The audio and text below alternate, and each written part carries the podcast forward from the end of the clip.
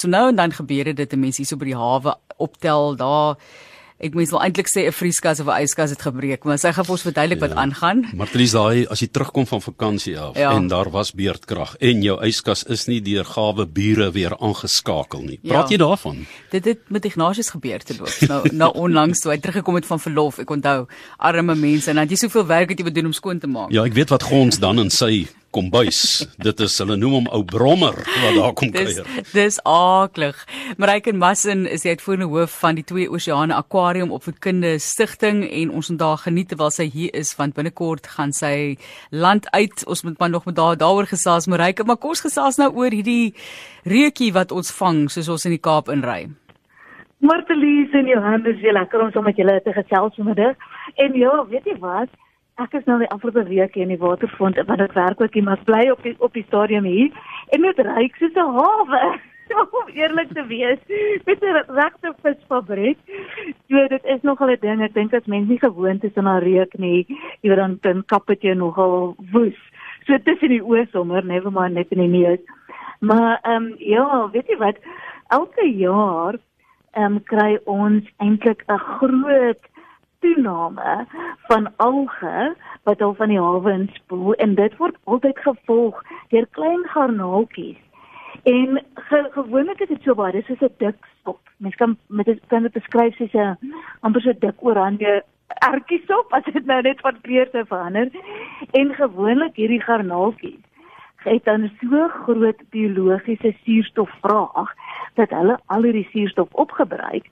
So wat gewoonlik gebeur is ehm um, as deel van die aquarium sal ons nou sien hier's nou baie van hierdie garnaaltjies en dan skielik begin die suurstofvlakke te te val en dan weet jy o, jene hier kom 'n ding so dan is daar so min suurstof in die water dat omtrent alle seediertjies begin of uit te klim soos die krappe of sommer net te vrek. So dan sien jy ens harders ronddryf, selfs klipvisse wat jy weet onder in die hawe is en al die garnaaltjies. En dan soos hulle begin vrek, begin die suurstofvlakke weer op te gaan want hulle al mos nou nie meer asem nie. Maar dit gaan natuurlik gepaard met weet hierdie hierdie dooie diertjies begin uit te vrot.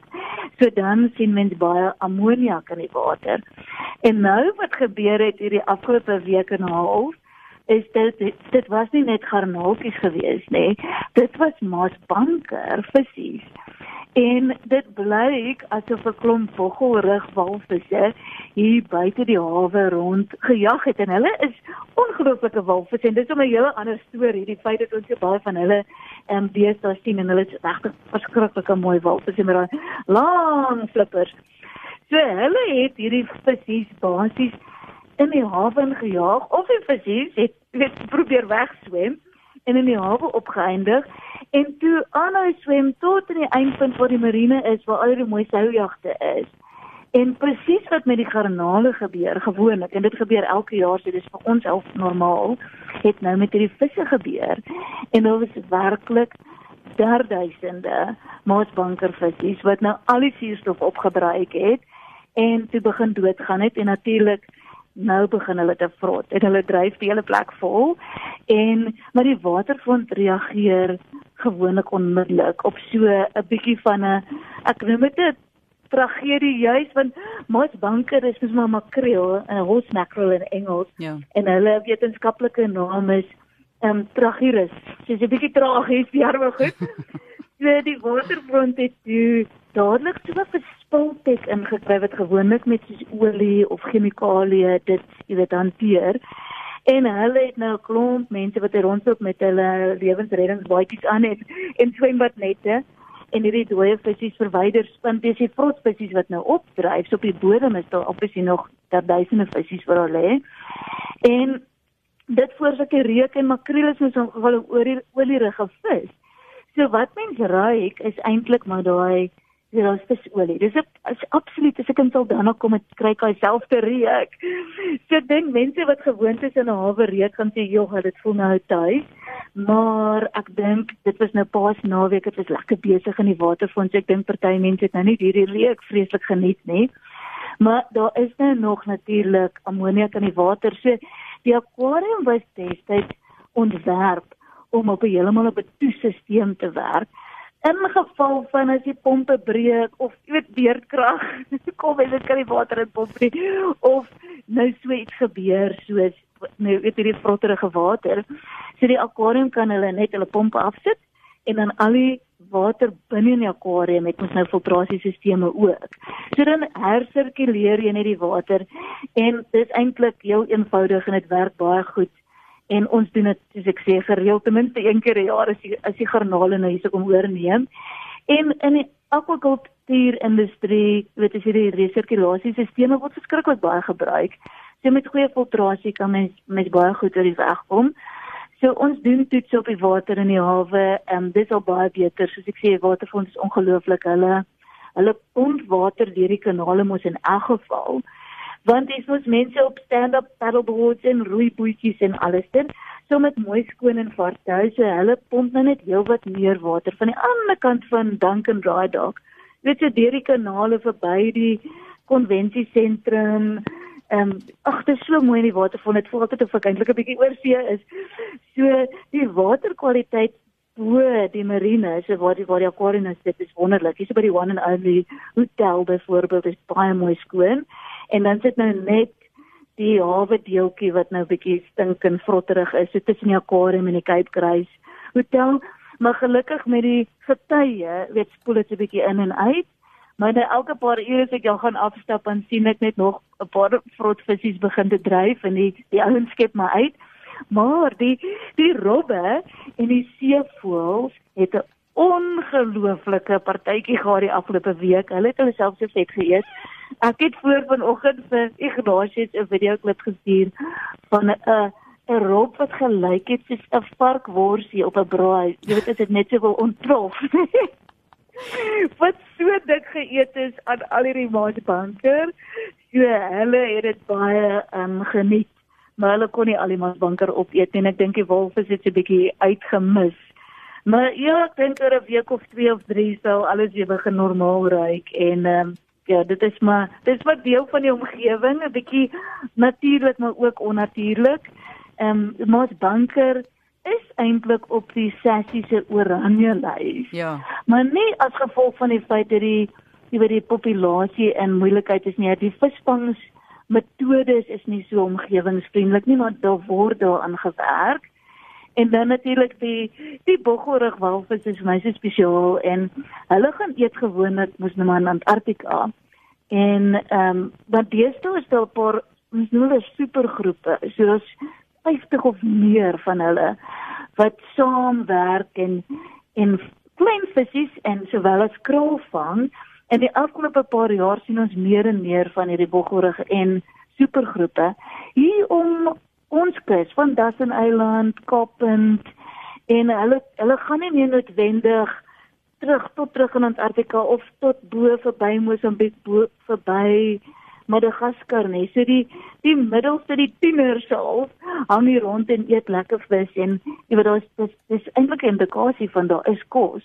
Maar dit is ook 'n bietjie van 'n indikasie van klimaatsverandering. So daar's daar's ook goeie en slegte redes daaraan maar vir vir um, fotograwe wat spesialiseer in die wild.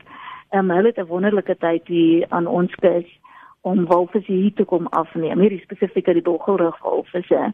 So dit is 'n interessante uh, weet uh, ding wat nou gebeur het en ja, jammer vir al die die Suid-Afrikaanse toeriste wat nou maar 'n bietjie van 'n stinkende week gehad het.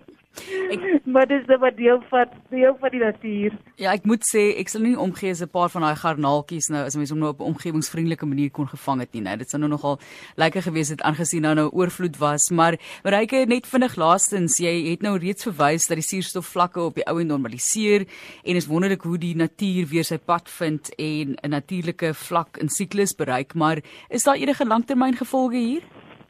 Weet jy wat, ek dink omdat daar so der duisend baie visse dood is, dit sien ons nie gewoonlik so baie vis nie. Gaan dit nou 'n bietjie langer vat om skoon te maak en ek dink jy weet die die suurstofvlakke gaan vinnig vinnig normaliseer en as ek nou dink aan hoe mense dit in die akwarium hanteer, weet ons weet jy, jy sit maar net lug in die in die water en dit dit alreeds bring die suurstofvlakke op, so dis weer eens nie eintlik 'n krisis nie.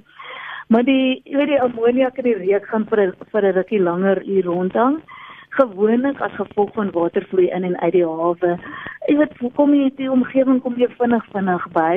Dit is nooit lekker om te sien hoe baie visse net hier onderste bo um, ronddryf nie. En natuurlik die reuk. Maar as jy nou dink hierdie hierdie visse sou in die walvisse se se maag opgeëindig het en hierdie walvisse kan maklik elkeen 1000 kg per dag eet. So ek sou nie verbaas wees as jy 'n paar duisend kilogram vis weet jy op die bodem lê nie. Maar ja, wat die omgewing het gelukkig die absolute ehm um, jy weet ability om vinnig weer te herstel en so ek sê hierdie is 'n omgewingsinsident. Dis nie mense wat dit noodwendig veroorsaak het nie. En dit is nou maar net jammer vir die visse wat hulle nou vasgehak het in die hoek van die van die hawe. Hulle sou wegkry, die wegkry het 'n bietjie gebackfire. Ehm um, maar ja, nee, die hawe sal definitief ehm um, vinnig vinnig herstel. En net baie vinnig, hoe lank gesels ons nog met jou Marike? Ons weet jy het 'n uh, groot opwinding wat voorlê vir jou. Ja, so ek uh, beplan om teen die einde van hierdie maand, was dit nou April, ehm um, sal ek uh, oor gaan na uh, Nederland, ja baie opwindend om so toe te gaan en ek seker ons kan met WhatsApp calls of ja. iets nog steeds in kontak bly. Maar ehm um, ja, so ons sal maar 'n paar weer se selfies moet inpas hierdie maand. Ehm uh, maar ja, is baie opwindend, jy weet ek sal in in Zeeland ek so mal oor die manier hoe die Hollanders dit uitspreek my naam ook. Ek het nou uiteindelik agtergekom dat my naam is baie mooi in Holland. Dit is Marike. Dit ek sien uit om 'n bietjie Holland te leer en natuurlik gaan ek met viswerk daar. So ek sien uit op nou baie volhoubare met visplaas ehm um, wat wat ek gaan bestuur. So ek sal julle nog weer vertel daarvan. Dit is opwindend inderdaad. Ja, ek wil Ignasie sê ons nou elke moontlike vis storie wat ons wil doen in pas of iets in die volgende ruk, maar 'n tipe storie, maar Mariko sê jy baie Ja. Jy wou gesê? Nee, nee, nee, nee ek sê dit ek lag net, dis ek is altyd reg vir 'n vispraatjie, dis goed. Mooi. Goliat net so opgewonde. Hy sê dankie altyd opwindend om na Mariko se kundige stories te luister. Mariko, baie dankie. Heerlike dag vir julle daar by die akwarium. Mag dit spoedig beter ryk. Dankie, absolute plesier en groete aan julle en al die luisteraars. Dit dan bereik Massin, jy het voerende hoof van die Twee Oseane Aquarium Opvoedkinderstigting wat met ons gesels het oor die dooie visse, die duisende dooie visse en dan daardie reuk wat deurgekom het hierso by die VNA waterfront.